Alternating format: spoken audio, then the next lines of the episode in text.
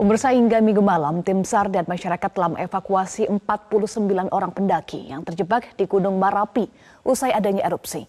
Warga diminta menjauh dari Gunung Marapi. BKSDA Sumatera Barat telah mengonfirmasi sebanyak 75 pendaki yang terdaftar pada data pendaftaran secara online. Tim SAR dan masyarakat sekitar masih mengevakuasi para pendaki Gunung Marapi pasca erupsi.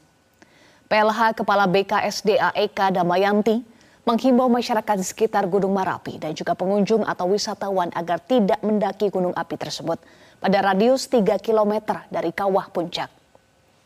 Saat ini booking online ditutup dan semua pintu masuk sedang berusaha untuk menghubungi semua pendaki.